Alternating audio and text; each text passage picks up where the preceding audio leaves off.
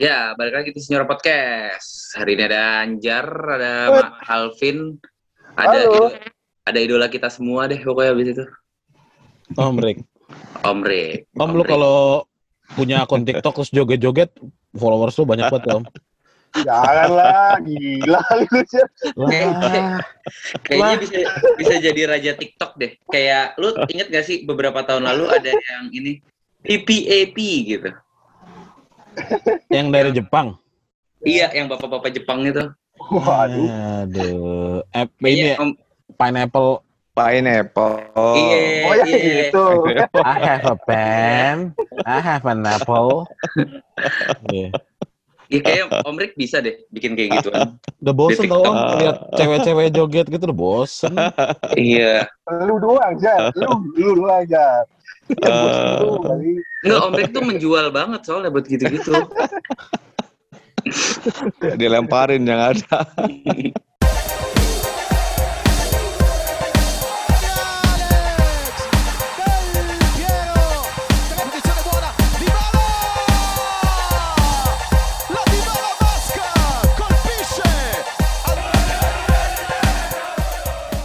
Piero Oke. Ya, udah fokus fokus fokus. By the way gini nih, kita tadi ngomong soal jualan ngejual ngejual ngejual gitu nih menjelang Enggak sih, nggak menjelang sih, masih dua bulan lagi sebenarnya. Bursa transfer musim dingin nih, udah ada rumor menjual-menjual aja nih. Jual Ramsey, jual Ramsey. Kalau itu sih aman, amin sih, amin kalau yang itu. Yang bikin stres ini sih, eh, menurut gua Kulu. kabar Kulusevski itu salah satu pemain yang gue suka sih sebenarnya kayak ya mungkin di Juve dia belum maksimal cuman gue lihat dia di Parma di Swedia tuh oke punya gitu loh gimana Jar menurut lo Kulu ya sebenarnya sih tergantung tujuannya. Maksudnya kalau waktu itu gue sempat bahas sama Halvin di kantor. Kalau ujung-ujungnya jual Kulu buat datengin Vlahovic gitu. Kayak percuma sih dengan harga Vlahovic yang segitu. Terus kita ngorbanin potensi dua striker muda Moiskian sama Jorge Kayo Jorge. Terus dengan gaya permainan filosofinya Allegri yang dua match terakhir ini pakai low block gitu. Ya percuma aja lo mau datengin striker yang haus gol kayak gimana, dia nggak bakal bisa bikin banyak gol orang gaya main lu bertahan. iya sepakat sepakat justru kita mestinya nyari penyerang-penyerang nggak egois modelan Giroud Benzema gitu ya Iya? Iya, iya, mendingan Vin. ya mendingan lu main pakai gayanya Barca sekalian gitu, pakai false nine, pakai gayanya Spanyol gitu sekalian aja. Iya sih, kalau menurut gue sayang banget sih kalau ngelep kalau ngelepas kulu cuman ya sorry ya gue bilang cuman ya kalau ngelepas kulu dapatnya halan sih nggak apa-apa ya. Iya nggak sih, Vin? Kalau gue sih, eh, kalau gue sih seneng ya kalau kalau eh, gabung sih kalau gue ya. Karena pertimbangan gue karena dia, dia harusnya udah cukup mengerti gimana main sama Kiesa, gimana Kiesa tuh jadi main projectnya kita di, apa di masa depan gitu. Terus ya gue sih ngelihatnya kita butuh juga sih striker yang oportunis gitu loh selain dia juga bisa bisa sharing gitu ya gitu karena menurut gue mungkin pertimbangan ekonomi mempermanenkan Morata ini jadi kayak ragu-ragu gitu loh gue sih suka sama Morata suka banget gitu cuman nggak tahu kenapa sepertinya manajemen ini selalu tampak Lu yakin pakai banget, Vin? Hmm? Lu yakin pakai banget, Hmm, Rata? Morata menurut gue sih tepat untuk saat ini kalau menurut gue karena Ya tapi nggak pakai banget ya? juga nggak sih? karena gini karena gini loh udah di, di pasaran gitu ya, yang yang available dia gitu loh ya Ya. realistis lah gitu maksudnya kita mau ngejar siapa gitu loh saat, Iya, saat iya. ini gitu Dan makanya untuk, begitu sekarang ada celahnya Vlahovic menurut gue ya ya termasuk inilah pilihan kayak makanya makanya kayak manajemen selalu tampak ragu sama ya emang gitu. Gimana Om Rik? Menurut Om Rik, Vlahovic? Kita nggak realistis kalau ngobrolin datengin striker baru. Jangan yang mahal, yang murah pun sudah tidak masuk akal, sudah tidak realistis. Jangankan Halan, Lawang Donnarumma yang istilahnya tercipta untuk kita aja kita nggak ngejar. Nah, itu Iya dia. kan? Jadi untuk Halan, ah udah udah udah udah nggak usah dibayang-bayangin deh. Sementara Vlahovic itu pun masih jauh. Morata sendiri, aku pribadi yakin dia akan dilepas. Gantinya siapa? Moise Kean. Dia sekarang lagi ditempa bisa-bisan sama Allegri untuk menjadi striker tumpuan kita gitu loh. Ken Nah, dan untuk- ini ya, Om paling ya. Siapa? Ken dan si Kayo ya. Kayo Jo Kayo Hortz em, ya oke lah bisa lah dia ya di di di dipupuk tapi lebih ke arah plus Valenza sih kemungkinan ya karena dia membawa nama besar Brazil gitu loh. Brazil itu walaupun kemampuannya nggak gimana gimana tapi punya nilai marketing yang tinggi. Jadi ya kalau dia nggak bagus-bagus amat paling plus Valenza tapi kita sih konsentrasi sama Kane gitu loh. Sementara untuk Kulu sendiri dia nggak ke mana-mana masalahnya. Potensinya luar biasa tapi jack of all trades master of none gitu.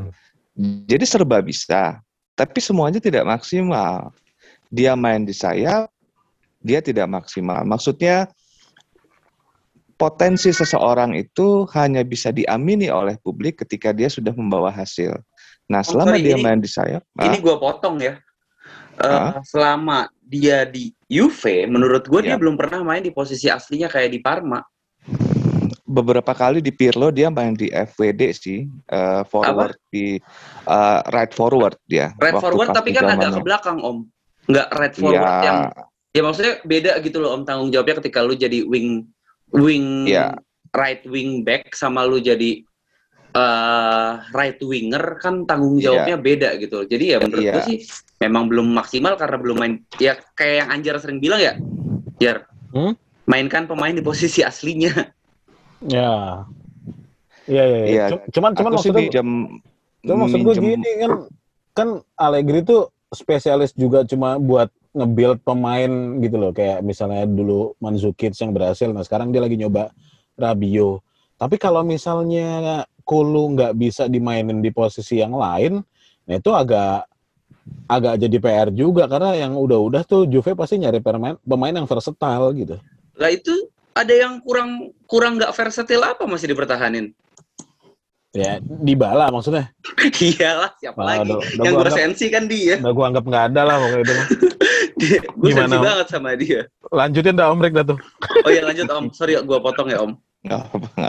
Iya, minjem minjem istilahnya Pirlo. Tanggung jawab bermain di Parma tentu beda dengan di Juve. Jadi di Parma itu dia seperti pemimpin cult, seperti tim-tim kecil lainnya gitu ya. Jadi kepercayaannya luar biasa besar ke orang-orang yang punya potensi luar biasa seperti Kulu.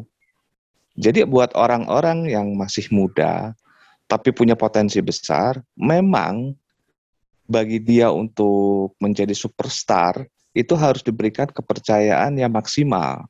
Hmm. Nah, itu yang didapatkan Kulu saat di Parma. Sehingga apa? Dia jadi pemain terbaik, pemain muda terbaik saat itu ya. Nah, pindahlah dia ke Juve. Tim yang penuh dengan para juara. Sehingga mentalitas si Kulu ini ditempa di situ di mana dia tidak menjadi seorang pemimpin cult di mana dia harus berbagi, dia harus sharing, dia juga harus bertahan sehingga ketika ditempatkan di, di, di, di sebelah kanan yang memang betul tugasnya untuk menjadi right forward gitu ya. Tapi kalau di Parma dia tidak perlu turun, di Juve dia harus turun. Misalnya pun Pirlo nggak minta dia turun, dia digeplak sama pemain-pemain Juve yang lainnya, lu bantu dong turun gitu. Hmm, hmm. Jadi memang memang perbedaan tim akan menimbulkan sebuah perbedaan mentalitas, perubahan mentalitas itu wajar. Nah, Hmm. Kulu saat ini kenapa dia master of none padahal dia potensinya besar karena pertarungan pertarungan eh, jiwa yang sedang terjadi gitu. Jadi dia mengalami shock culture. Shock culture Allegri beberapa kali kasih dia kesempatan, tapi ya dia tidak maksimal karena memang harus ber- bertahan dan memang pasti ada adaptasi-adaptasi lain terhadap seorang pelatih baru. Nah, satu posisi yang selayaknya dicoba sebetulnya sebagai Mezala, Mezala di sebelah, ah, sorry, eh, iya Mezala di sebelah kanan. Kalau misalnya kita main 4-3-3, Rabio sebagai sebagai apa? Sebagai mezala kiri, si Kulu ini bisa pakai me- jadi mezala kanan. Kalau misalnya dia bisa excel di sini, tempat buat dia pasti sudah dijamin.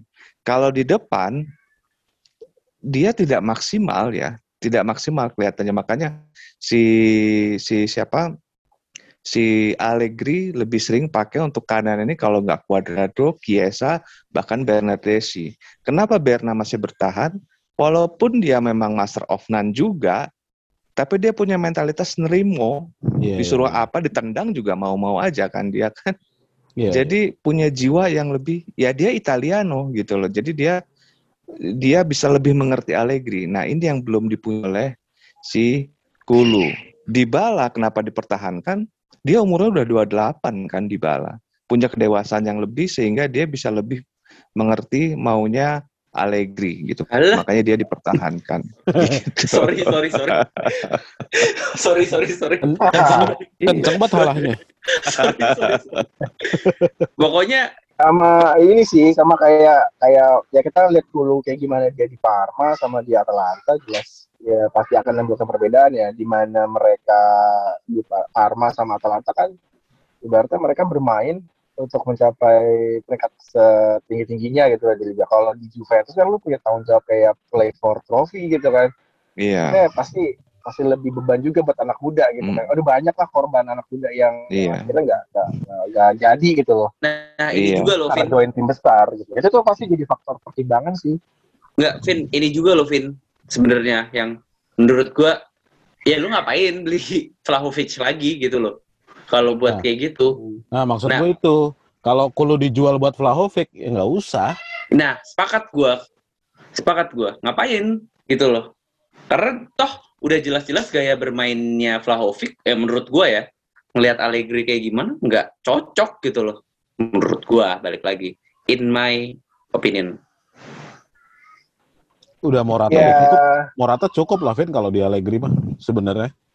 Hmm. Cuman emang ya, emang ya Cherubini emang ngincer Gue juga sebenarnya kalau misalnya ini, cuman yang gue lihat itu, gue kayak ngeliat manajemennya ya, ngeliat manajemen tuh kayak selalu ragu aja sama Morata gitu. Jadi kayak kalau misalnya ada opsi lain, kayak opsi lain gitu loh. Kayak Morata tuh selalu jadi opsi yang kesekian gitu loh. Gitu Iya. sih. Pertimbangannya itu gitu loh. Karena emang Apakah besar emang untuk untuk tuh? untuk apa? penebusannya juga terlalu besar. Penebusannya kan. emang gede, Iya, emang iya, gede. iya. Jadi ya Iya. maju mundur pasti, Iya sih. pasti. Dan Sementara- kita kan punya masih punya utang 60 sekian juga kan sebenarnya, masih punya tanggung jawab itu juga tuh. Pasti akan Hmm. jadi pilihan gitu loh. Maksudnya mana nih yang akhirnya dipermanenin gitu, atau mulai Iya. dengan proyek baru, pasti ada ada ada masalah itu gitu loh. Iya. Ya Iya. udah makanya itu nomor 10-nya dijual aja. ngomong di transfermarkt di peringkat pemain Juve itu yang tertinggi kan Delih. Nah, Di bala tuh Dulu sih musim depan lepas tuh jamin. Iya, gua, ra- gua, ra- gua rasa cabut sih Delih sih. Cabut. Rayola, Rayolanya nggak asik soalnya. Iya. ya gue sih sebenarnya asal siapa aja cabut asal nge-build-nya dari situ bagus sih no problemo ya sebenarnya. Karena kan emang udah sering kayak gitu kan. Ini sebetulnya untuk bulan Januari yang patut diperhatikan itu sebetulnya Arthur. Jadi dari Oktober ini sampai Januari Arthur itu punya dika- punya waktu lah untuk membuktikan diri. Selama selama ini Allegri tidak pernah punya midfielder apalagi Regista yang yang tanda kutip lemah lah ya. Ah, Karena apa? Karena sebetulnya supaya supaya supaya supaya nggak gampang dipressure oleh lawan maksudnya gitu. Makanya Ya, kenapa dia tidak pernah punya apa-apa namanya uh, midfielder yang yang yang kecil badannya gitu loh. ah, Tapi ah. kan ah, tapi kan si Arthur ini dia bagus pegang bolanya. Iya. Jadi selalu ada harapan buat Arthur. Mungkin ya selalu ada saat pertama kan siapa tahu di sini Arthur mampu membuktikan diri. Kalau dia mampu ngebuktiin diri, ya menarik ini. Kita nggak usah beli lagi midfield berarti. Ternyata dia bisa jadi trequartista yang selama ini kita idam-idamkan. Kalau dia jadi trequartista di bala out itu. Amin, amin ya Allah, amin ya Allah, amin.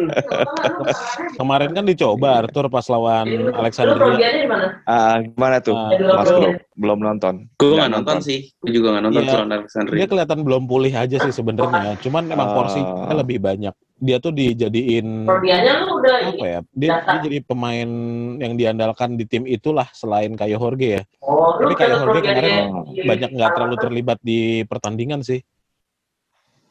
Tapi Hmm. tapi Arthur gue ngeliat progresnya kemarin pas lawan Alexandria Hmm. so far sih ya tinggal tinggal butuh ngeblend sama tim doang sih om. Udah mulai udah mulai Oh, oke. udah mulai enak lah Di- mainnya sebenarnya. Ditaruhnya di mana dia? Regista apa trequartista?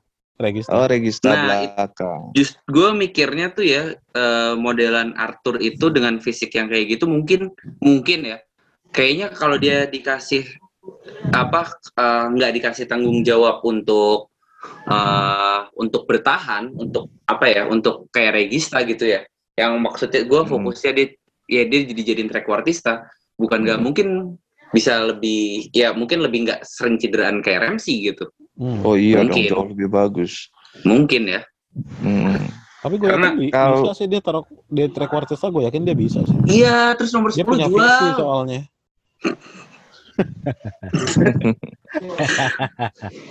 Dia sulit di pressure lawan itu kelebihannya dia makanya uh, kelebihan dia tuh sulit untuk di pressure lawan karena jago Iya. pegang bola gitu. Cuman Iya. memang kekurangannya cuma satu, dia dia selalu safe passer gitu loh. Nggak pernah berani untuk ide-ide apa uh, passing passing alternatif gitu atau buka ruang gitu nggak pernah berani sering mencoba itu gitu loh. Ironisnya sekali-kalinya dia coba passing alternatif atau coba buka ruang langsung kerebut bola. Dulu waktu musim lalu tuh siapa sih yang kita udah detik-detik terakhir taunya bolanya dia malah direbut? Waktu itu, Itu- kipernya Buffon kalau nggak salah. Apa tuh lawan siapa tuh ah, lupa tim kecil juga, cuman tim kecil ya. Jadi dia dia tuh diminta sama Berna buat ngoper ke tengah. Padahal oh, posisinya gitu, dia tuh ya. di sudut kiri. Berna, oh, Berna iya, udah nunjuk, iya. no passing ke sana gitu. Nah, lawan oh, udah iya. lawan udah ngelihat semua, diambil, uh, uh, uh. kalah 1-0 itu sih Om. Iya iya iya iya iya iya iya. iya. Ya. Tapi sebenarnya potensial kok itu Arthur sih.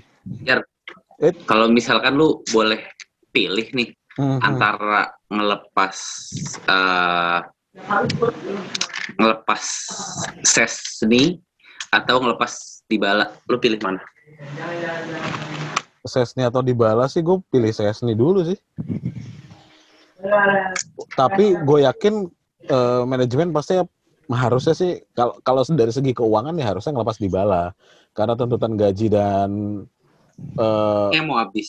uang apa namanya dia dia masih laku tinggi lah di pasar lah gitu kalau Sesni. Iya dan kontraknya mau habis juga gitu loh maksud. Iya, iya. Sesni harusnya tawarin ke Milan tuh, Milan lagi nggak punya kiper.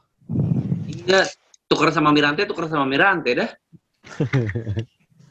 Mirante tuh lu jago tuh lu di CM tuh dia selalu jadi gantinya Buffon dulu Iya. waktu pas zaman-zaman CM. Jago Udah banget. udah Mirante. FM kali Om. Gua main FM 2006 tuh Mirante keluarnya. Oh iya? Iya Om. Iya iya. Mirante jago tuh. Iya jago jago jago. Berarti jago. kalau lawan Juve kebobolannya banyak mulu. Om. kan emang Iya. emang lulusan gimana? Iya ya. Jatah reman. Hat- hatinya masih hitam Waktu putih. tujuh bos. Oh karena Mirante kita bisa dapatkan Navarro tuh. Bukan, itu Bukan kita kiper. Uruguay, Fabian Carini. Carini. Oh Karini, sorry sorry sorry sorry. Ah, ah. Fabian Carini. Tapi ada gosip juga Bern Leno mau ditarik tuh buat gantiin Sesni Ah, karena Leno udah nggak dapat tempat di Arsenal. Ya di Arsenal aja dia kegeser sama kiper dari tim divisi 2. iya, enggak lah, mainan Enggak lah. mainan ini aja kayak mainan agennya si Leno aja. Soalnya kita kalau misalnya mau balik ke eh, tipenya Juve dari dulu kita kipernya selalu Italia karena berkaitan dengan koordinasi di lapangan harus harus ya Iya. Italia kan terkenal oleh passionate-nya dia. Kemudian Iya. bahasa Gua- juga karena kita ini ya lebih cocok kiper sih Italia. Maksudnya kan kalau jadi kiper Donnarumma. utamanya Napoli bukan dia? rotasi terus kan masih sama Bravo. Sama siapa? Ra- sama Bravo kan Iya kan? rotasi terus. Oh, Raul. Oh, iya iya iya iya. Iya iya. Hari ini tuh ada beritanya ini, si Matia Perin tuh minta dilepas lagi karena dia nggak dapet jam terbang main musim ini. Minta di Januari dilepasnya Iya. gitu. Terus Juve Paling minta signing fee itu. Mintanya minta Iya. signing fee itu biasa mainan dalam hukum eh apa sports law begitu. Mainan agent tuh ada yang minta signing fee, ada yang minta perpanjangan kontrak, ada yang minta royal Kalau nggak salah kontraknya memang habis deh. Om. fee. Oh gitu, Di ya Perin berarti musim depan baru. kontraknya habis deh kalau nggak salah. Bareng sama Ya, di paling minta Silvio, kontrak eh, baru. si ini ya, di Silvio juga lepas, ya kan? Kontraknya habis. Bukannya bukannya Rugani yang habis ya?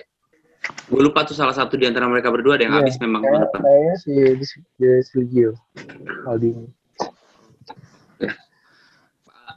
Ya, kalau gue sih sebenarnya suka Meret ya. Hmm. Maksudnya setelah setelah Donnarumma menurut gue paling oke sih memang Meret ya. Di Itali ya. Iya yang orang Itali loh ya, yang orang Iya. Itali. Kalau Donnarumma kan kayaknya udah susah tuh mereka dia udah ren- udah masuk rencana jangka panjangnya si siapa Ya. namanya PSG. PSG. PSG itu kan. Terus jadi kayak iya buat gue sih yang paling apa ya Paling Yang masuk paling- akal lah ya. masuk akal ya menurut gue Audero sama Meret juga masih bagusan Meret sih. Cuman kan Napoli kita nggak tahu nih Oh. gimana. Tapi gue yakin sih Januari ini kayaknya sih sebenarnya nggak terlalu ada aktivitas yang ini sih kayak biasa-biasanya dari tahun ke tahun di Januari nggak pernah ada heboh-heboh kan. Nggak pernah, tapi kayaknya sih si Ramsey bakal keluar. Kemungkinan besar bakal Gitu ya? keluar Ramsey. Pindah Kemungkinan. ke Panas-panasin Newcastle. aja Newcastle. Iya, Castle. panas-panasin aja Newcastle bahwa dia butuh pemain gede. Pinter-pinternya agen aja. Ah. Harusnya Iya. bisa keluar Januari ini. Iya karena karena Newcastle kan baru diakuisisi hmm, Hmm. kayaknya rugi kalau misalnya musim depan terdegradasi kan. Jadi kayaknya Hmm. emang Iya. harusnya Januari Hmm. nyutik nyutikin timnya sih memang Iya. kan supaya value-nya nggak rugi amat lah. Paketin aja gimana? Iya, Paketin. dan si Ramsey bakal excel tuh kalau di Newcastle karena kan udah jadi dewa dia di sana. Bakal dimainin terus tiap minggu dan di situ dia bisa maksimum. Lebih bagus lagi kalau misalnya kulunya di sekalian. Jadi kitanya lepas beban gitu. Karena nggak Nah. kepake kulu sama Ramsey. Enggak, enggak, Jadi enggak, ya, enggak. jangan kita om, jangan bisa- om, jangan om. Pak- Kulu jangan. enggak, jangan paket paketin aja, paketin aja 100 juta euro. 100 juta euro udah dapat Ramsey, Sesni, Dybala. Ah, ikhlas tuh. McKennie nggak mau Ya, sekalian. ya. Eh, McKennie 100 tuh kebanyakan lepas kalau tuh. dapatnya segitu mah. McKennie. Sama Untung di iya, sama- ya. Sama ada berita sih ini kan si McKennie sama Ramsey mau dilepas untuk datengin siapa Tuchemeni ya tuh ya yang dari Monaco juga. Katanya malah Monaco tertarik tuker tambah malah sama McKennie. Dia dia yang nambah. Monaco Monaco nggak pernah Kalah bisa kayaknya. bayar gaji gede kecuali si Falcao zaman dulu Iya. lebihnya kecil semua. Kalau Newcastle mungkin Ya, panas-panasin ya, ya, aja ayo. tuh. Newcastle 100 juta dapat Dybala, Ramsey sama Sesni. Udah tiga itu cabut udah senang gua. Malah gosipnya Rabio juga mau di Lego juga. Aduh, Nah, sayang banget. gajinya gede. Tuh orang udah Rabio udah sih udah enggak. gua udah lumayan udah lumayan maksudnya belum suka banget ya, cuman maksudnya uh, Rabio sama Berna tuh salah satu salah dua pemain yang musim ini masuk pantauan gua gitu loh. Kayak Hmm. Nah itu makanya gue makanya pengen ngeliat eh, Radio Arthur sama Locatelli main bareng sih sebenarnya. Maksudnya Hmm. pengen pengen lihat aja kayak gimana sih gitu. Kayaknya menarik gitu. Gue pengen tahu aja dengan dengan fantasinya Locatelli kayak dia bisa mindahin dimensi permainan dari kiri tiba-tiba langsung ke kanan gitu loh. Terus Arthur ya gue pengen tahu aja sih kombinasi mereka bertiga tuh kayak apa gitu loh. Mm-mm. Vin, lu tau gak sih yang pas lu ngomong ngin soal mereka bertiga tuh yang kebayang di gua jadinya gini loh kita kayak punya uh, short passer dalam dirinya si Arthur terus ada kayak uh, Hmm. kreator dalam dirinya si Loka terus satu lagi hard worker si Rabio Nah, breakernya di Rabio gitu kan. Heeh, iya iya Gitu. Apalagi kalau kalau misalnya bener kata Anjar ya yang dia bilang kayu Jorge ini tipenya kayak Firmino, harusnya sih enak sih gitu. menurut gua. Tapi nggak tahu deh. Apakah Allegri akan bermain seperti itu atau enggak? Ya Nggak kalau berani dia. pakai kayu Jorge berarti lo harus punya winger yang bisa cut inside. Si- Baru Kiesa doang soalnya. Minimal lo Iya. punya dua. Sepasang lah paling nggak. Heeh. Arjen Robben apa? Ya jangan tuh, cut juga. Jangan dia juga. Iya, Hmm, nggak tahu ya. Eh, yang ada sekarang sih kayak gue nggak yakin ada yang bisa cut inside ya. Iya baru Kiesa cut doang. inside si Kiesa sama Cuadrado kan yang Ah. sebenarnya cut inside. Sebenarnya si Kulu juga Oh, cut inside, cuman ya Cuadrado juga bukan cut maksimal inside. gitu ya. Om tipikalnya si Cuadrado mah dia klasik Kalau dia tipe muka ngeselin aja. Klasik winger dia. klasik winger dia. Mas-mas muka ngeselin. Udah. Lu gue gue sih sering ngebayangin ya kalau si Cuadrado ini main di MU zamannya Vergi udah lurus terus sayap sampai mentok crossing. Ta- Tapi kok tapi gayanya Cuadrado sama Kulu tuh hampir-hampir mirip kalau main di sayap. Jadi kalau mereka tuh kalau udah ada kesempatan buat di ujung kotak ya, dia harusnya kalau dia pilih ke kiri, eh, dia dia pilih cut inside ke tengah buat shooting atau dia narik ke ujung tiang dekat baru crossing ke ke bawah lagi biasanya kayak gitu. Cuman uh, bedanya gini sih kalau menurut gua kalau si Kulu ini lebih suka main umpan-umpan grounder ya. Hmm. Kalau si Kua lebih suka ngangkat ke atas, ya nggak sih? Merhatiin nggak sih lu? Iya iya iya. Iya, kalau Kulu tuh emang. lebih suka bawah gitu loh. Emang menang crossing kuat tuh crossingnya akurat soalnya. Kayak magnet Zaman buat palanya dulu awal-awal Morata. Morata banyak gol tuh. Iya. Dari gaya gitu ya. Ya kalau kalau beli Vlahovic terus tiba-tiba nggak punya crosser yang akurasinya bagus, buat apa juga kan? Iya makanya. Kalau permainan ada beda. Dan gue belum nemu lagi sih. Eh, Dan bahkan menurut gue beli Halan pun percuma loh. Kalau gaya mainnya kayak gini. Iya. Gaya main kita butuh striker-striker yang selfless kayak Benzema atau eh Giroud. Striker-striker Prancis, Mbappe apa? Eh, ngayal mimpi. Oh, Mbappe. Mbappe nggak akur mulu sama orang. Berantem mulu tiap klubnya dia tuh. Sama siapa di kemarin? Monaco sama siapa di Monaco? Nggak. Sebelumnya mah tuh Tuchel berantem. Oh. Yang sekarang sama Neymar berantem. Hmm. Ya gitu. Ego. Di Monaco kayaknya masih anak baik-baik deh. di Monaco belum belum kelihatan dia. Gue lupa deh ada ada siapa lagi ya? Nanti gue cari deh. Gue pernah Ada, ada. kemarin baca soal Ini si jadi dia dibecandain uh, Michael Angelo sama siapa? Pemain Donatello, Brazil. Donatello, Oh, Donatello. Donatello, Donatello. Sama pemain Brazil siapa gitu sampai akhirnya si pemain Brazil ini didamprat tapi bukan sama si Mbappe tapi sama nyokapnya Mbappe siapa gitu lupa. Didamprat sama nyokapnya Mbappe. Siapa ya lupa ya pemain Brazil tuh. Yang ada di PSG dulu siapa ya? Bukan apa. Neymar? Bukan bukan Neymar. Siapa? Marquinhos. Bukan.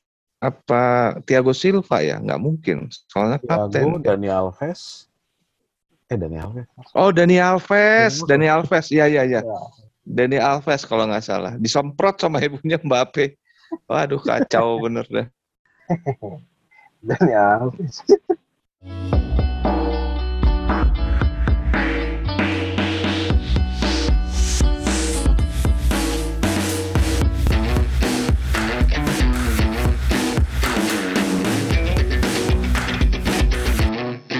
Hey, by the way, kita mau mulai apa? Mau mulai ini lagi mau mulai kembali A yang setelah sempat tertunda itu dengan kondisi yang setiap abis international break Hmm. hampir sama.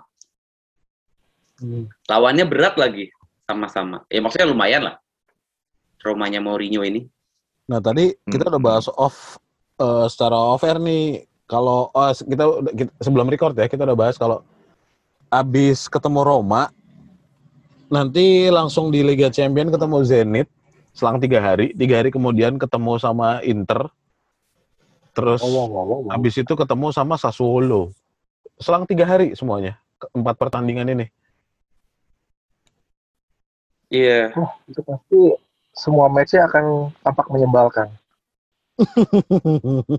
Yakin gua. Hmm. Hmm. Jadi buat yang kira-kira nggak bisa kuat-kuat amat begadang, lebih baik lihatnya ya di Leicester aja. Sekarang kita peringkat 7 ya. Iya, iya, iya. Ya, Ya. di tujuh, di tujuh. Minimal bisa lah sama tetep ya. Cuman ya Bisa di tujuh lagi. iya maksudnya nggak nggak nggak nggak turun minimal. Cuman ya yang cedera babak belur. Iya. ya nggak bisa terlalu optimis juga ya. Maksud gue eh dengan Allegri yang ya gue ngeliat Allegri musim ini egonya gede banget ya, nggak se-selfless dulu ya. Hmm. Jadi kayak hmm, dan dia maksa kayak sering maksain banget gitu kan. Dia ya udah nih kan ya kayak apa ya kayak dikasih kesempatan kedua bukannya ini bukannya dia tetap apa ya tetap tetap kayak dulu gitu bersikapnya dengan udah gue dikasih apa aja gue terima gitu. Sekarang kan kayaknya dia maunya ya harus gini gitu. Ya kan kayak yang Om Rick bilang, Allegri itu sekarang jadi pahlawannya Juve karena belum ada pelatih yang lebih baik dari dia yang mau nanganin Juve di kondisi yang sekarang gitu. Jadi ya Hmm. ya mau nggak mau sebenarnya gitu. Iya. Cuman cuman udah mulai itu kok udah mulai kelihatan adaptif kok terus chemistry pemain juga udah mulai kelihatan. Sebenarnya sih ada progres sebenarnya. Hmm. Iya Hmm. Ya ya mudah-mudahan sih sinerginya nggak cuma antara pemain juga tapi dengan manajemen juga, Exor dan Agnelli terutama. oh yang ini ya yang pemilik salah satu pemilik klub terkaya di dunia itu tapi pelitnya Nauzubillah itu ya Nah, iya itu peringkat tiga loh, doi. Ya nggak sih? iya peringkat tiga Heeh. tapi pelitnya Nauzubillah itu kan Kalau untuk Allegri sih ya menurut aku dari segi negatifnya memang dia tidak ada perubahan dari zaman dulu pernah ngajar di Juve, ngelatih di Juve Hmm. dan sekarang ya gitu-gitu aja dia. Makanya kesannya seperti pelatih kuno gitu, seperti seperti pelatih yang yang ya yang udah yang udah abis lah kesannya begitu. Tapi positifnya Allegri itu justru di partai-partai padat seperti sekarang dia akan flourish karena dia orangnya tipe pelatih diesel. Kan seperti dari awal kita ngobrol Allegri ini diesel. Awal-awal emang lamban, lamban, lamban, tapi begitu medan sudah eh, cukup berat, Hmm. waktu sudah cukup lama, mesinnya panas, dia jadi bagus. Nah, harusnya titiknya mulai lawan Roma ini sampai nanti lawan Sassuolo kemudian seterusnya. Justru ada harapan kita bagus di periode ini, periode berat ini. Terbukti dari musim-musim Oh, saat Allegri pegang kok. Adalah kita mungkin seri, tapi secara overall kita tidak tersandung gitu loh. Paling seri lah. Nah, untuk lawan Roma ini sendiri, aku sendiri punya keyakinan kita bisa menang. Karena Roma ini juga sama sekali tidak stabil. Iya. Dia ketolong di kemenangan-kemenangan awal, sementara di empat pertandingan terakhir kalau nggak salah, dia itu lose, win, lose, win. Iya, iya. Nah, Hmm. ada kemungkinan pertandingan kelima ini dia lose. Betul. Ya kalau misalnya ngelihat patternnya seperti itu ya, dan setiap kali dia kalah selalu golnya banyak, tiga tiga semua. Jadi dari dari uh, dua kekalahan itu ada enam gol. Hmm. Semua karena memang kebanyakan karena kesalahan backline-nya dia gitu, yang memang secara fisik tinggi dan tinggi dan larinya cukup cepat, tapi tidak koordinasi, tidak tidak koordinatif, sehingga nanti akan terjadi pertandingan yang akan sangat membosankan seperti Mas Alvin bilang. Karena apa? Kita akan menunggu mereka untuk menyerang kita, kemudian serang balik. Kelemahan mereka justru kekuatan mereka. Si Hendrik Mkhitaryan. Dia tuh pasti sering maju kan. Nah, kita akan mancing dia maju terus. Begitu udah maju, ada bolong, oper ke depan, di situ kesempatan kita. Nah, tapi kan pasti bete tuh kita ngelihat diserang mulu kan sama Roma. Tapi itulah Hmm. caranya Allegri untuk menang. Aku sih nggak pernah suka cara main Allegri, tapi ya Iya. ya begitulah apa adanya gitu dari dari Allegri. Jadi kalau ditanya apakah ada kemungkinan untuk menang, kita bisa menang lawan Roma gitu. Tapi apakah menarik? Ya Ya, kemungkinan besar tidak gitu. iya, iya, makanya gue bilang pasti akan di fase ini pasti kita akan Iya. melihat pertandingan yang menyebalkan. Cuma kalau secara hasil sih gue juga yakinnya kita hasilnya positif. Hmm. Iya, iya. Eh, cuman menariknya nih sebenarnya eh kalau dilihat-lihat ya si Allegri sama Mourinho ini kan agak mirip ya Hmm. Iya. cara Hampir mainnya sama. gitu. Maksudnya golin satu abis itu nutup kalau ada peluang baru nyerang lagi gitu kan. Mm, mm, Tipikal-tipikal mainnya kayak gitu kan. Mereka berdua itu. Iya. Ada ada bedanya.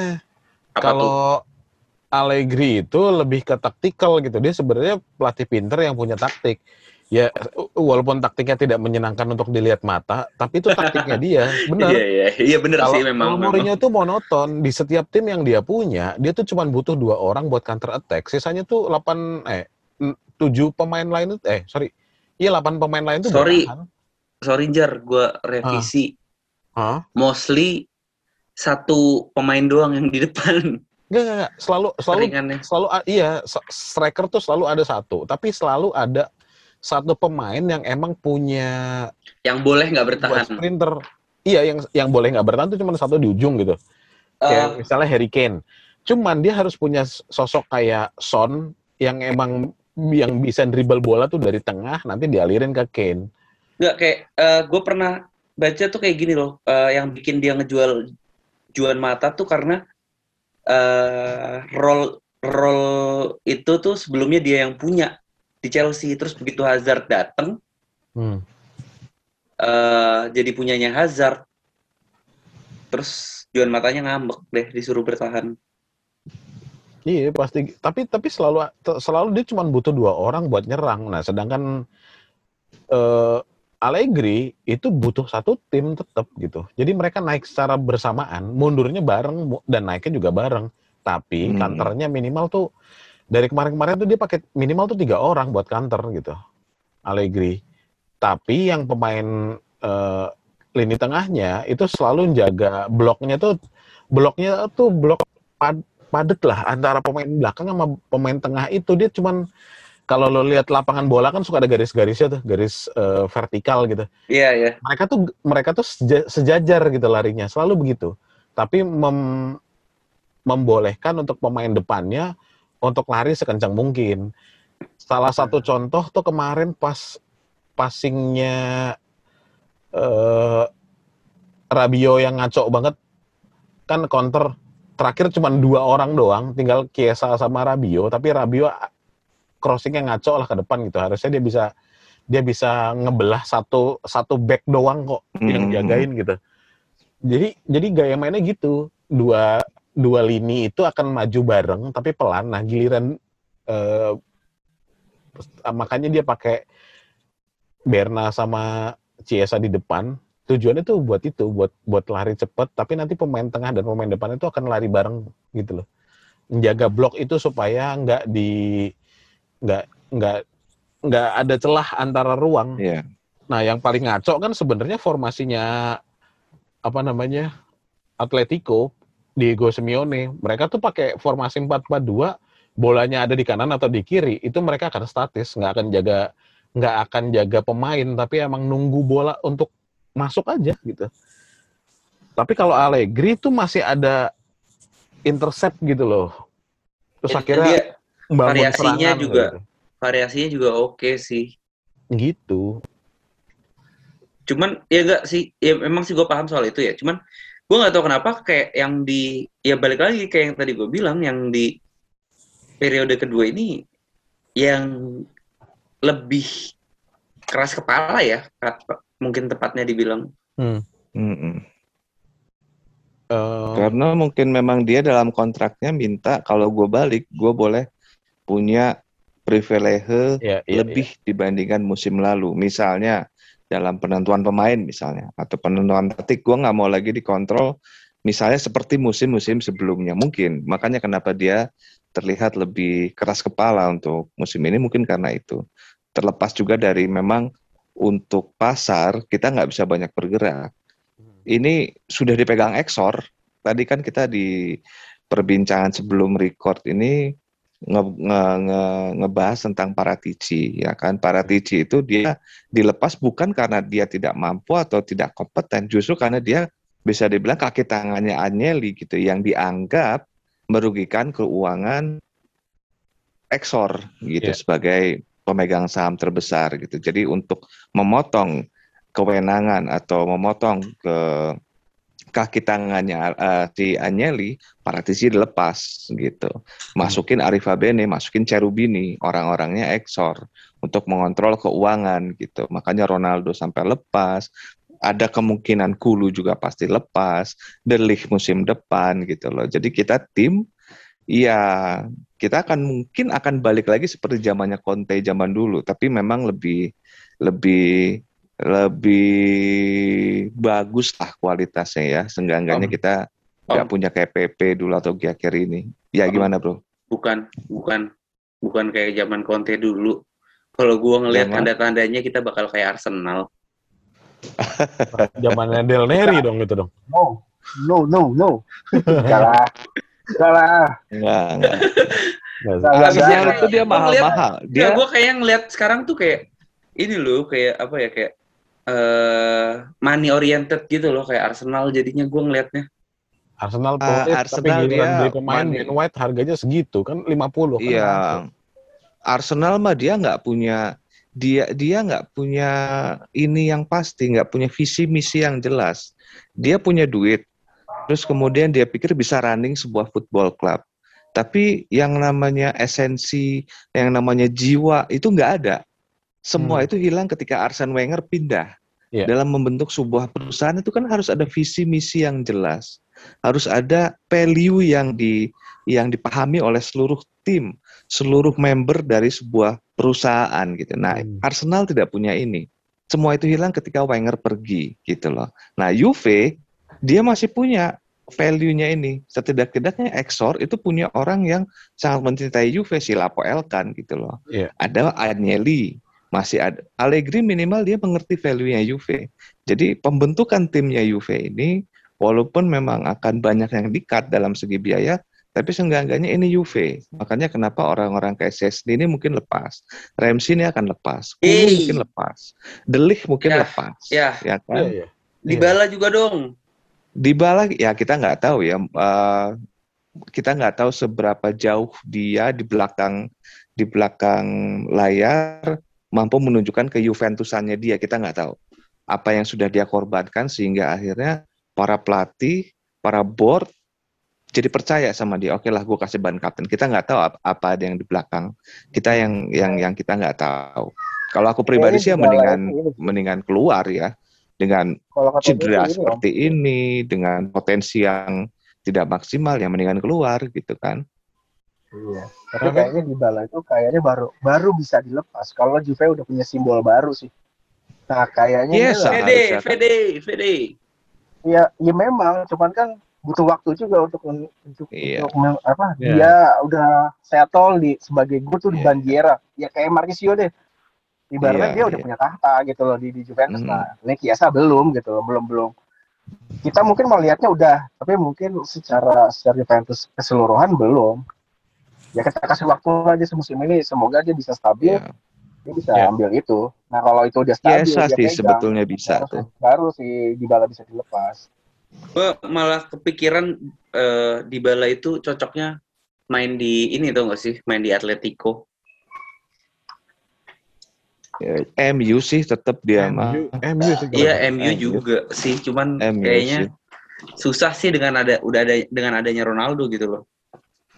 Iya, tapi MU akan melakukan segala-galanya untuk brandingnya dia. Kita ya sebetulnya zaman pas kemarin-kemarin itu ya kayak MU mentingin branding gitu, value-nya sendiri, value-nya sendiri jadi hilang kan kita akan jadi seperti Ronaldo sentris waktu itu tuh kemarin-kemarin itu. Jadi ya, ya MU ya kemungkinan besar bakal mau itu dibala datang. Ya nggak apa-apa lah. Kita minta Amin, amin. si Van der Beek itu lumayan tuh buat Donny van der Beek. isi Bruno, Bruno. dan Bruno dia gagal kan di Serie A itu nggak nggak nggak Bruno, Aduh. Bruno udah udah pernah main di Udinese Serie ya? A Om. Sampdoria kalau nggak salah mau dia di pressure dia mau di Udinese. Dia di pressure jatuh itu eh, Bruno Fernandes. Nggak begitu kuat dalam terima pressure gitu. Kita Dari ini kok dia atur. apa? Dia main dari dari dari Primavera udah di Serie A. Oh gitu. Iya, Novara dulu. Oh, dulu Novara. Oh, bukan Iya, katanya iya, ya? iya. Novara ya? Bukan Novara. Iya iya iya. Tapi iya. gue baca-baca rumor, ini rumor sih. Kalau emang sekarang gerakannya Juve udah lebih ke nyari pemain dengan gaji murah, tapi doi pemain asli Italia yang emang kalau membela Juve tuh pride-nya naik gitu. Jadi pemain, Jadi harga mahal kalau gaji murah nggak apa-apa gitu kali ya. Ah, enggak juga. Jadi kegiatan kayak misalnya kalau kemarin-kemarin kan nyari yang free transfer tapi gajinya nggak mahal. Nah ini lu Hmm. mulai musim depan lu nggak akan lihat yang kayak gini-gini lagi nih. Mungkin Hmm. kalau ga, ya kalau gajinya mahal, eh sorry, kalau biaya transfernya mahal tapi gajinya murah ada, cuman bukan Rayola. Kayak Hmm. Itu nggak mungkin banget sih itu. Walaupun Donnarumma juga sebenarnya nggak mahal-mahal banget minta gajinya gitu kan, tapi ya nggak Ya. Gua masih belum kalau- on aja sih Donnarumma. kalau Betul. Donnarumma gue akhirnya udah ya udahlah, let it be, let it be, let it be. Iya Udah sayang emang aja lah Donnarumma lepas tuh. Cuman mau gimana om? Iya. banget itu. Kalau seandainya Ronaldo bisa lepas duluan tuh sebenarnya Ronaldo Donnarumma bakal datang sih. Iya, iya itu salah satu yang bikin gue kesel sama, Ya. eh bikin gue kesel sama Ronaldo tuh itu salah satunya. Hmm. Kayak lu kalau emang mau cabut Iya, kenapa iya. sih? Kagak dari tadi aja gitu. Iya. Iya iya. Nah, ntar lawan Roma bakalan agak keras sih, setahu gue ya. Tapi Roma Iya, tuh kalau gue lihat heat map terakhir lima pertandingan terakhir ya Om ya, Hmm. mereka tuh mainnya full semua ruang tuh dipakai sama dia. Eh Mas Ajar, Hmm. sorry, Ah. gue mau nanya, eh si itu udah balik belum ya Spina? Spinazzola belum, belum, Oh, Alhamdulillah. belum, belum, belum. Malah kemungkinan Roma kehilangan Tammy Abraham. Kemarin kan iya, nggak main. Kita cedera. juga kehilangan Rabiot sih sebenarnya. Rabiot Oh iya, positif COVID ya? Karena COVID. Nah, kalau kalau Pellegrini gimana? Main nggak sih mereka? Pellegrini main. Nah, soalnya Pellegrini mereka, Pellegrini kita nih. Pellegrini Eh, mereka, mereka. Oh, masih masih main. Karena waktu mereka kalah dari apa? Kalah dari Lazio tuh, itu eh, Pellegrini nggak main tuh. banget tuh. Eh, kehilangan Pellegrini berasa banget tuh mereka. Yang keteteran Iya. si Mita Karian kan waktu lawan Lazio. Eh, iya waktu lawan Lazio. Dia pakai tiga pemain tengah, ada El Sharawi, Mikita Iki sama sekarang. enggak, enggak, di, di sisi kiri tapi ditaruhnya. Oh. Nah, yang yang idealnya mereka tuh Miki di kiri, Pellegrini di tengah, kanannya Zaniolo. Strikernya satu Zaniolo. Abraham gitu. Yolo yuk. Makanya Zaniolo, Zaniolo nggak mau ditukar tuh sama Dybala. makanya gue Salah satu nama yang gue pengen join ke Juve sih sebenarnya. iya, tukar aja sama Dybala, ikhlas kok. Gak usah nambah juga nggak apa-apa rumahnya. Juve fan kan kalau nggak salah ya, Zaniolo ya. Fansnya Juve juga kalau nggak salah. Apa ketuker ya sama Iya, Ngefans tahu gue sih. Zaniolo ngefans sama Juve dulunya. Waktu Ah. kecilnya. sebelumnya Alah. kan se- sebenarnya yang pengen didatengin tuh bukan Kiesa ya. Iya, Zaniolo. Zaniolo sebenarnya kan. Itu. Cuman Hmm. karena Terus kena berubah karena dia kena ACL. ACL, barengan sama Demiral tuh buat- di satu pertandingan yang sama kan. Iya, iya, oh iya, bareng-bareng. gitu. Iya, iya, ingat, ingat. gue. Makanya gua bilang, Oh, karena ACL jadinya mundur. Gitu. Biasa. gue sebenarnya salah satu yang masih masih pengen banget datang tuh Verratti sebenarnya. Waduh, Ya. udah tua dia sekarang. Iya, udah tua. Baru 27, lebih muda dari 27? Dybala. Iya, 27 tahun, iya. Verratti. Emang dikiranya berapa? Anjing gue pikir Bukannya 30-an. seumuran sama si ini, siapa tuh striker Insigne? Oh, Bukannya 28 ding, seumuran. sorry, sorry, sum- sumuran gue. Du- Enggak, enggak. Sumuran, sumuran Dia kan- Dybala. Dia kan umuran 22 udah di Pescara atau sudah ngetop gitu kan. Makanya banyak yang Oh, umur berapa? Dua Iya, dua dia atau sama promosi dong. terus. kayaknya. 28, Beli sama sumuran gue, sumuran gue. Iya. Verratti sumuran gue. 28 dong tuh ya. umurnya Verratti. Lu mah 82 tahun lahir lu, yo. ya kagak. Oh, 28. Iya, iya, iya. Ya iya. emang mukanya aja tua dia. Iya. Tapi Arthur bisa lah sebetulnya kayak Verratti, cuman masalahnya dia badannya terlalu rentan sih. Jadi belum tentu Allegri bakal pakai gitu loh. Tapi ya nggak tahu kalau misalnya dia kemampuan olah bola pegang bolanya jadi lebih meningkat ya kita nggak tahu mungkin bisa dipertahankan atau malah pindah ke depan. Kalau aku sih harapannya dia bisa jadi trequartista, pindah ke Iya, depan sama. gantiin si Dybala. Dibala jual Terus- aja. Iya, jadi dia yang ngatur di depan gitu loh. Kemampuan untuk passing, long passingnya ya ditambah lah ininya kreativitasnya itu bisa dilatih kan. Ya lebih lebih lebih afdol daripada Dybala yang yang nggak tahu dia fokusnya ke mana gitu sekarang Hmm. nggak jelas gitu. Jadi ya Apa pun asal dibala jadi pergi. yang ini jadi si Chiesa jadi bandiera jadi simbol baru gitu loh iya, Mm-mm. ada Locatelli pula kan sekarang. Iya itu Gitu dia ya. tuh makanya gue pengen lihat ya Locatelli kalau main sama Arthur sama Rabiot kayak gimana. Penasaran beneran deh. Nanti kan musim depan backnya Milan yang Romagnoli itu kan datang nanti. Waduh. Pasti dipastikan akan datang itu. Iya. Kemungkinan besar pasti datang. Duet Delik- sama Bonucci. Kayaknya buat gantiin Delik deh. Iya, buat gantiin Iya. Iya, heeh. iya. Karena kan masih agen yang sama. Kergunya Iya. biar lancar. Mm. Bastoni nggak mau coba paling di Madrid. nggak mau coba diambil Bastoni. Gue nggak suka Wah Bastoni. kemahalan itu. Gue nggak suka. Bastoni kan Nggak, dia Bastoni tuh teman SD gue. ah, Tukar di bala juga nggak apa-apa, tukar di bala. Enggak sih, gue gue nggak suka Bastoni. Dia tuh tinggi tapi nggak fighter gitu loh. Makanya, Ah, makanya- Bonucci muda juga gitu. iya, Iya, beda. Beda Bonucci kan emang tipenya, tapi ada long pass-nya dia yang Iya nggak ada sih. di back-back lain. Kalau Bastoni, Iya sih. lu dua pertandingan Italia kemarin lawan Spanyol, Bastoni kan yang line up. Iya Blaur sih. begitu. Kelemar-kelemar gitu sih emang. Kayak Rugani sih dia sebenarnya ya. Mirip, iya, mirip-mirip Rugani. Iya, mirip-mirip Rugani, kelemar-kelemar gitu. Dia kebantu ada Skinnier sama The Fritz aja. Iya, oh, itu iya. monster tuh Skriniar tuh. Keren banget. Dapat Ya, dari mana sih dia? Skinnier. Siapa? Hmm, Skriniar dapat dari mana? Kan kalau nggak Skri Sampdoria kalau nggak salah Oh, ya. Sampdoria ya. Sampdoria kalau nggak salah. Sam- The jadi Fritz ah iya Iya, segitu. bener. Di- Jadi Lazio kayak- kalau The kayak pas eh, BB apa namanya BBC kemarin. Jadi Bonucci ada Barzagli sama Chiellini, jadi Bonucci-nya kelihatan bagus. Nah ini Bastoni juga gitu. Kalau Bastoni diduetin sama Bonucci, waduh lemes banget bos, kayak cakwe sore. Nyindir mulu kayak cakwe. Ah, Iya sih. tapi Siapa kayak gitu nggak ada yang nggak ada yang bagusan dikit apa yang bisa ditukar sama Dybala? Yang orang Itali, Zaniolo ya paling. Zaniolo. Ya nggak nggak akan ada yang mampu gaji di bala kalau ditukar. Suruh beli aja MU pasti mau dia. Iya, MU Apalagi bener. ada Pogba, udah beli aja. Itu udah MU tuh terlahir di bala tuh seperti terlahir untuk MU saat inilah gitu loh. Iya sih. Kalau misalnya mau dilepas Tapi dia nggak cocok sama MU. Ronaldo.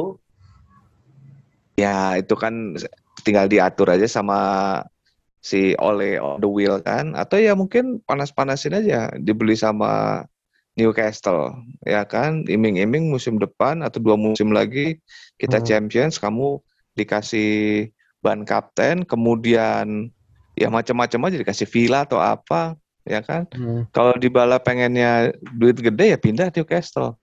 Iya. langsung kasih nomor 10 kan banyak kejadian kayak begitu kan sell Iya, out sih. ya Dia kayak dia kayaknya cocok sih di Newcastle. Pindah ke Juve cabang Inggris. iya Dia bisa kayak Santiago Munes gua rasa. Yo, iya tuh Latin kan Udah cocok Ramsey sama Dybala main bareng. Ra- iya Ramsey, Ramsey dibalas Sesni udah pas itu. Iya. Gue yakin bisa lah masuk Europa League musim depan Newcastle. Bisa, bisa sih. Ya, cuman gitu dia mesti gerak dari Januari ini. Kalau enggak ya nggak akan jadi. Iya, apa-apa. iya bener makanya Januari ini datangin tiga pemain Cuman itu ya- 100 100 juta cukup kok. Yang setahu gue tuh budgetnya Newcastle walaupun gede itu itu tuh sebenarnya budget buat empat tahun deh, setahu gue. Jadi Oh iya. itu bukan buat belanja semusim, itu tuh buat empat musim. Sebenarnya makanya sebenarnya kalau Iya, di untuk mengakali ini, untuk mengakali FFP, tapi pada prakteknya kenapa banyak yang kesannya melanggar? Ah. Karena sebetulnya dikasih celah bahwa kesehatan perusahaan itu itu bisa disuntik oleh sponsor-sponsor gitu. loh. Nah ini yang Hmm, yang hmm. yang yang jadi celah buat PSG misalnya. Loh kan kita dapat sponsor. Ya, Iya. kita juga semua tahu sponsor itu ya PSG juga gitu, ownernya PSG juga gitu loh kan. Iya. Jadi ya ya banyak banyak banyak inilah banyak celahnya. Jadi kalau misal dia cuman eh, ngasih misalnya 100 juta ini untuk 4 tahun itu cuma hmm, ngerendahin diri aja supaya nggak dimakan sama orang. Pada prakteknya sih kayak misalnya nanti misalnya beli di bala mungkin di atas kertas akan 20 juta dolar misalnya Hmm. supaya terhindar dari FFP. Tapi di belakangnya ada yang namanya Royal TV, ada yang namanya Loyal TV, ada yang namanya uh, signing fee. Dan itu bisa Hmm. dilakukan under table. Iya. Melanggar hukum iya, tapi dalam prakteknya sering terjadi. Iya. Tiba-tiba dikasih rumah, tiba-tiba dikasih mobil, tiba-tiba dikasih fasilitas apa, itu udah sering sekali kejadian Hmm. gitu. Jadi tiba-tiba ya. ada merek-merek baru jadi sponsor kayak ya kebab lah, karpet gitu kali Arab kali ya. Iya, iya. Yang dilakukan PSG selama ini kan gitu. Makanya kok tiba-tiba PSG dan ada- City, maaf. Mohon maaf. PSG dan Ya, City.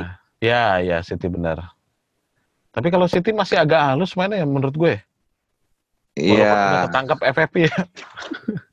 Tapi City tuh pinternya gini sih, yang gue lihat kan kalau lu perhatiin dua tiga musim terakhir ini mereka Hmm. banyak pemain yang kelihatannya lulusan akademi. Iya.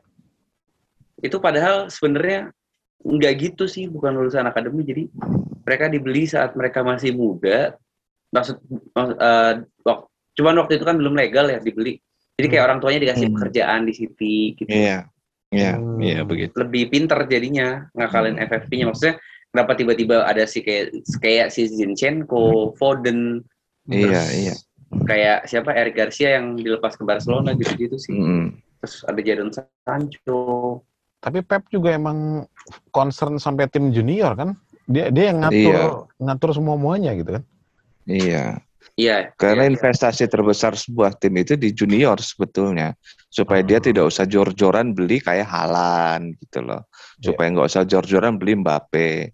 Tapi dari awal memang dididik di si akademinya, walaupun memang eh, datangnya itu dari dari segala macam kawasan gitu loh. Hmm. Tapi justru di situ dia bisa beli murah, ya itu kan makanya investasi terbesar tuh di akademi. Beli murah, kemudian dididik, jebret kayak Sancho, kayak Bellingham gitu kan. Hmm. Kayak Sayang. kalau yang udah sukses kayak Mbappe gitu. Sayang banget ya Juve tidak pernah di situ gitu model bisnisnya. Iya. Iya, Juve model bisnisnya nggak di situ. Walaupun si Anelli udah udah sebetulnya fokusnya tuh bikin akademinya udah cukup bagus sih yang kemarin sempat bikin lapangan sendiri cuman memang kita scoutnya kita kurang mungkin scoutnya kita bagus tapi untuk Pelatihnya sih kayaknya deh pelatih yang buat Ya. ngembangin pelatih yang buat ngembangin pemain ini. mudanya Om. Menurut menurut gue ya. Pelatih yang eh, buat ngembangin ya. pemain mudanya sih. Tapi budget juga sih kayaknya kita tidak terlalu tidak terlalu fokus untuk pemain muda. Karena karena kayak kayak Kane itu kan kita sebetulnya kalah sama Torino. Itu kan pertama dia di Torino kan itu. Iya, iya betul. ya Hmm. kan gitu. Banyak sih pemain-pemain lain yang dia cerita aduh siapa? gitu. Orang Inter dia bilang saya sebenarnya maunya di Juve gitu. Udah berapa kali tes di Juve tapi karena penawarannya nggak begitu bagus saya akhirnya saya pindahnya ke Inter. Siapa gitu? Lupa dulu namanya siapa ya? Lupa ya. Apa Rekoba lagi? Alvaro Rekoba kalau nggak salah waktu itu. Eh, tapi bukan junior. Dia waktu itu masih pemain muda gitu loh. Hmm. jadi Juve memang fokusnya memang dananya emang kan dulu kan ada gosip eh Exor itu dicerca sama fans karena lebih mementingkan Formula One dibandingkan dengan Juventus gitu. Zaman zamannya Zidane kalau nggak salah waktu itu. Bahkan Jadi sampai kita tuh- sekarang masih, Om. Gitu ya. Sampai sekarang masih. Di F1 emang lebih lebih kenceng memang duitnya. Memang duitnya lebih kencang, cuman ya Ferrari juga lagi busuk sih. Oh, Udah terakhir semenjak Raikkonen ya kalau nggak salah juara. Habis itu nggak pernah juara lagi. Ya, tapi ya gimana Hmm. orang mereka jualannya mobil dari dulu. Fiat Iya ya. sih. Brand saya dia brandnya dia kan mobil. Juve itu emang Iya kecintaan aja gitu loh. Juve itu passion Iya, iya, nggak iya. pernah hilang. Jadi Iya, iya betul. jadi lo nggak akan ngejor-jorin uang banyak Betul, betul, Juve betul. gitu karena Juve itu Masuk bukan, akal. bukan industri gitu. Juve itu passion gue. Iya, iya. Gitu. Iya, iya, iya. Yang penting Betul. biar nggak jatuh ke tangan yang salah aja. Betul, Iya, iya. betul. Betul. Juve itu Hmm, memang warisan. mereka jualannya mobil memang mereka. Iya, Juve itu warisan. Jadi nggak akan bisa diwarisin ke siapa pun. Kalau udah ngomongin mobil, ya itu industri. Jadi siapa pun bisa ada di situ gitu loh. Yang penting profit aja. Hmm, Cuan, cuan, cuan. hmm. Terakhir yuk sama Oh iya, sama Roma. Prediksinya gimana nih? oke. Oke, lu gimana Anjar?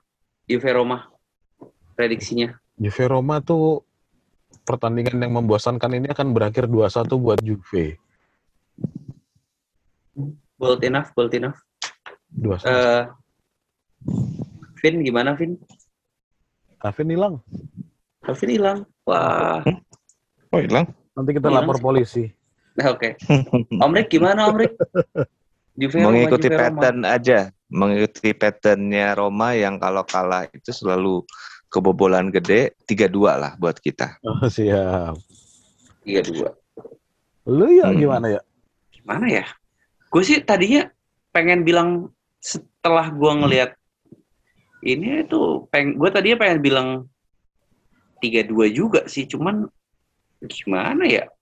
Hmm, Tapi 2-0 aja masih mungkin loh. enggak, saya sini kipernya kok gimana mau Backnya 2-0? Ju- backnya Juve udah rapi. Enggak, kipernya saya sini, enggak, enggak, enggak, enggak mungkin clean sheet. Kayaknya kayaknya eh, sorry nih, tapi kayaknya tiga sama. Waduh. Seru tuh, seru tuh harusnya. terus terus terus. Sama. Kecuali Chesney tiba-tiba bener-bener bisa yang menjelma gitu ya, kayak wah gitu. Baru deh bisa menang. Itu Sesni suruh ajak TikTok lah. Dari Arsenal kan dia udah nyanyi mulu. Iya, call me Chesney. Lu tuh ngetek-ngetekin gua sama Alvin di Instagram. Biar gak kesel sendirian. Kenapa lu cari sih yang begituan, Gue Tio? gak, gua gak nyari, gue lihat aja kebetulan. Gue lihat aja kebetulan. Terus kayak, aduh kesel banget gue. Terus ya udah akhirnya daripada daripada gue kesel sendirian ya udah gue tag aja lu sama Alvin. Oke deh, gue rasa cukup ya buat episode kali ini. Siap. Kita siap, bisa siap. cuman bisa berharap yang terbaik. Pokoknya gue nggak apa-apa deh kalau nggak menang lawan Roma. Yang penting eh yang penting di champion performance-nya bagus. Itu nomor satu. Ter- Eh karena kayak ya udahlah gue lebih berharap di champion ya. Nggak tahu kenapa dari dulu harapan gue champion gitu. Hmm. Iya, iya. Sama, Juara champ- sama. Juara champion kalau degradasi juga gue ikhlas kok. Ibaratnya ya. Amit, amit. ibaratnya ya, ibaratnya ya, saking segitunya gitu gue pengen Juve juara champion. Oh, sama satu lagi, lawan Roma seri atau bahkan kalah mungkin ya, nggak apa-apa deh. Yang penting minggu depan tuh harus menang wajib. Gua, gua ada satu harapan lagi yang penting nggak cedera. Nggak ada pemain cedera sebenarnya. Itu bikin pusing performa Oh. tim tuh sebenarnya.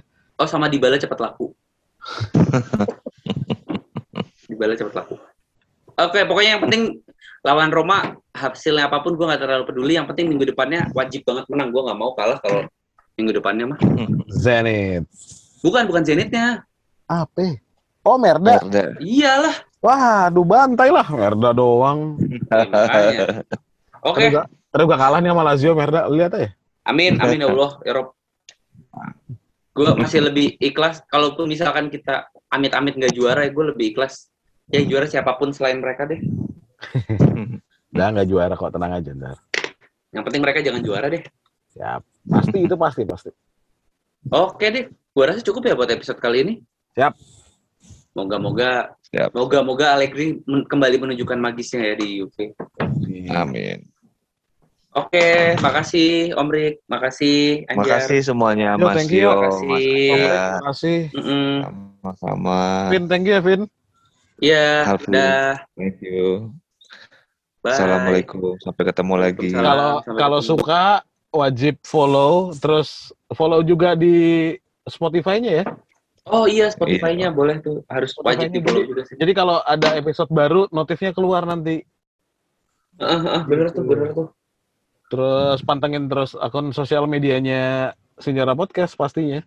Oh iya, Dan, dan jangan lupa hashtag kita Let's Talk UV.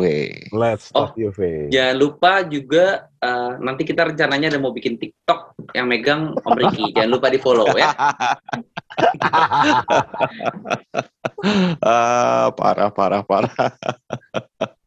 Oke, see you. Terima Oke, kasih see you. semua. Sampai ketemu. See you, ciao. Uh, Ciao. Let's Talk UV. Bye. Thank you Mas Tio, Mas Anjar.